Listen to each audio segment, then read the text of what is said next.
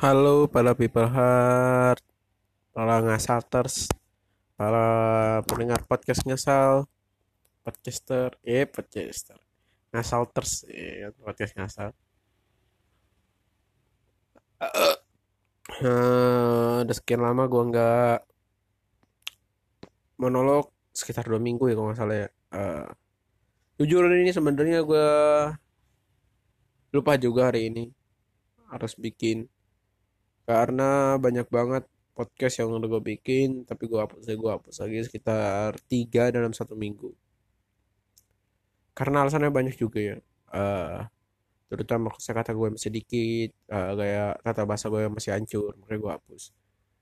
Eh, yang menyebabkan kita kurang begitu bagus dalam hal speaking adalah ketika kita itu malas baca itu itu sih itu hal yang membuktikan banget metode belajar gue itu adalah metode belajar mendengarkan gitu. Gue gak suka baca malas banget gue baca. Tapi gue nulis gitu suka banget nulis nulis nulis. Dan itu cukup aneh mungkin nih didengar ini. Tapi gue coba baca baca baca ternyata ketika kita baca itu kayak ngerasa bahwa ada feel yang nyala nyala gitu. Eh, ada rasa penasaran dan ada rasa ini ada rasa itu tapi gue tuh malah hilang aja seketika kalau udah saya baca hilang saya baca hilang makanya gue males baca. Tapi ada kemampuan untuk speaking lebih baik sih. Karena ada tata bahasa yang belum pernah mungkin lo baca. Itu aja mungkin. Ah, kali ini gue mau soal kepercayaan diri gitu. Untuk orang yang nggak punya malu kayak gue kan lo pasti butuh saran dari gue atau cara jadi bodoh amat dua? Ah tapi cara jadi bodoh amat dua mah nanti aja lah. Itu pendengar terbanyaknya dari cara menjadi bodoh amat sih. Makanya tersukses podcast ngasal tuh cara jadi bodoh amat. Belum pernah nge nggak mecahin rekor. Eh kali ini gue mau ngomongin soal kepercayaan diri gitu. Eh, kepercayaan diri itu bisa muncul karena adanya diri lu yang percaya kepada raga lu atau kepada pemikiran lu atau pada tata bahasa lu yang menyebabkan lu itu menjadi lebih percaya pada diri lu lebih believer Ah, pada hakikatnya diri itu kan ada beberapa macam gitu. Ada orang yang percaya diri ada orang yang nggak punya malu juga sih.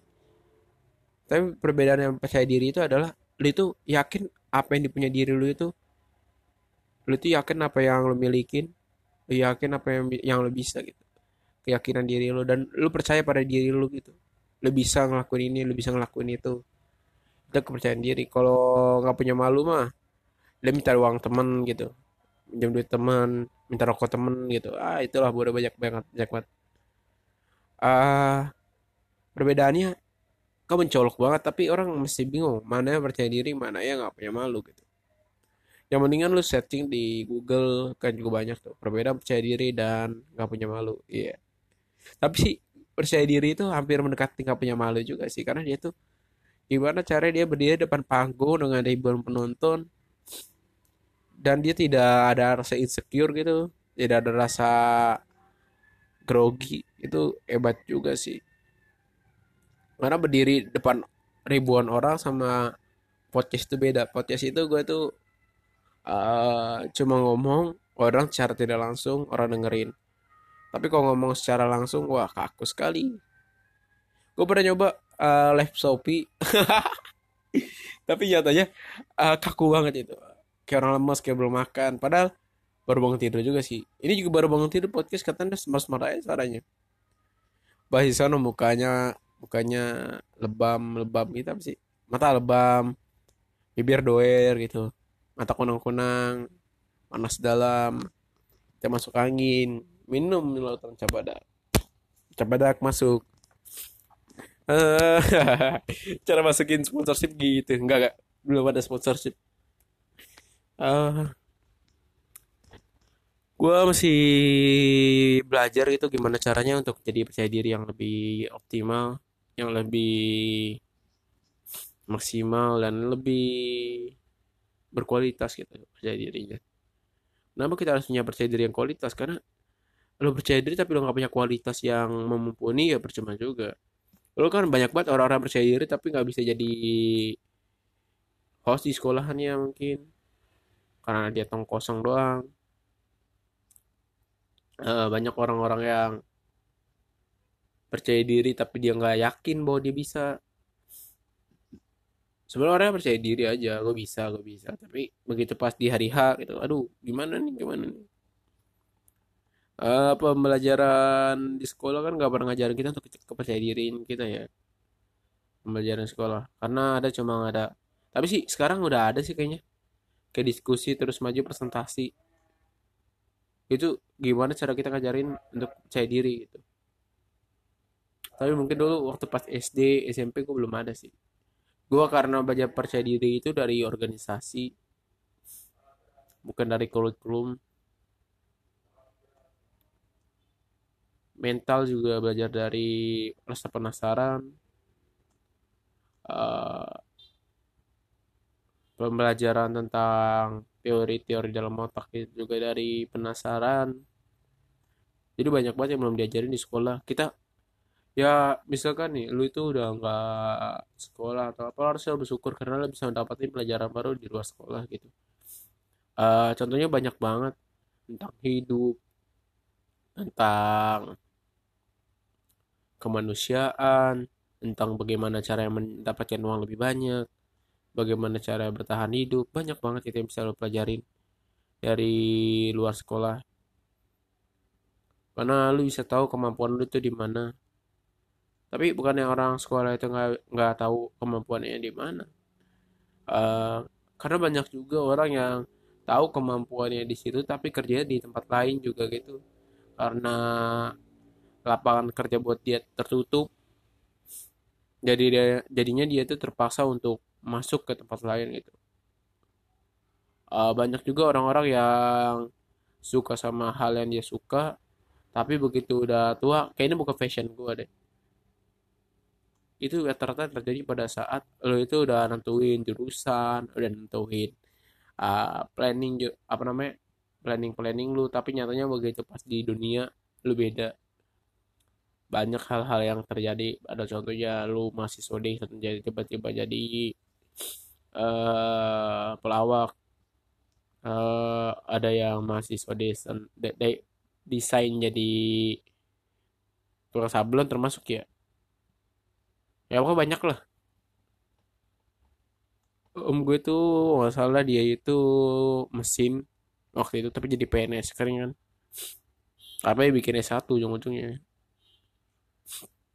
Makanya jadi eh, nggak selamanya yang kita masuk sekolah itu adalah eh, impian kita. Tapi itu juga bisa jadi impian kita karena ada kemauan. Kemauan yang kita tanamkan dalam diri kemauan yang kita tanamkan dalam sanubari kita dan kemauan yang kita impi-impikan gitu sejak dulu kala iya. Jujur gue tuh lebih suka sama hal yang membawa kita itu ke dalam situasi yang mana itu sesuai dengan kemauan kita sesuai fashion kita. Tuh pengen banget gue tapi gue tuh belum tahu fashion gue sampai mana. Fashion gue tuh di mana fashion gue tuh apa gue belum tahu. Gue udah ngelakuin apa untuk fashion gue gue belum tahu karena gue tuh males banget untuk ah mikirnya kayak gitu. Gue malah lebih milih untuk hidup itu ngalir aja sih. Kalau misalkan ah gue harus begini ya gue begini kalau gue harus begitu ya gue begitu. Gue lebih mikir kayak gitu aja sih.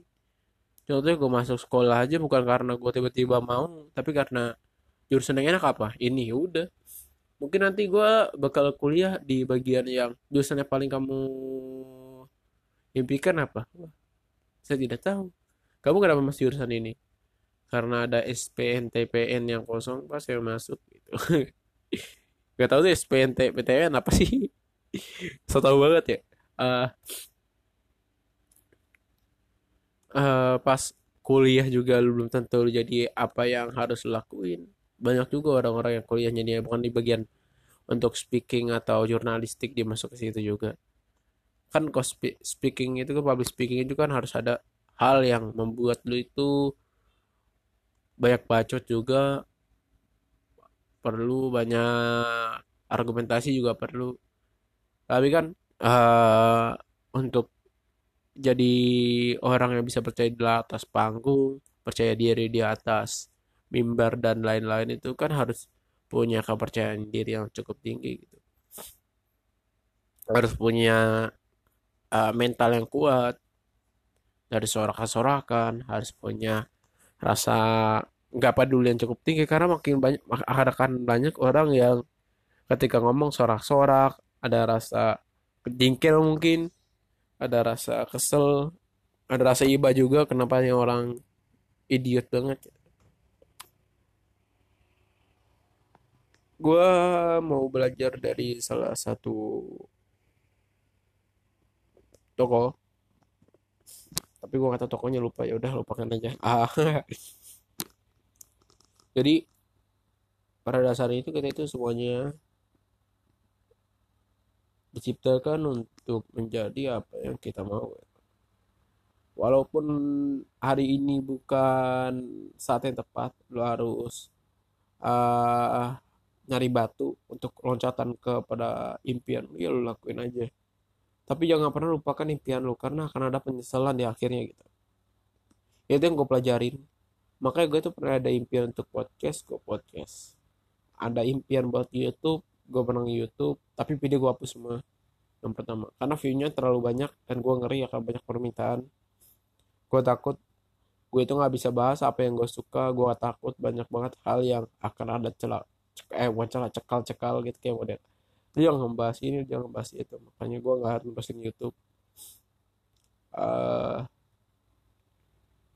makanya pas kelas 8 eh waktu kelas 8 itu gue ada impian untuk bikin podcast dan sekarang gue capaikan cita-cita gue waktu itu. Dengan ini gue menyatakan bahwa podcast nyesal telah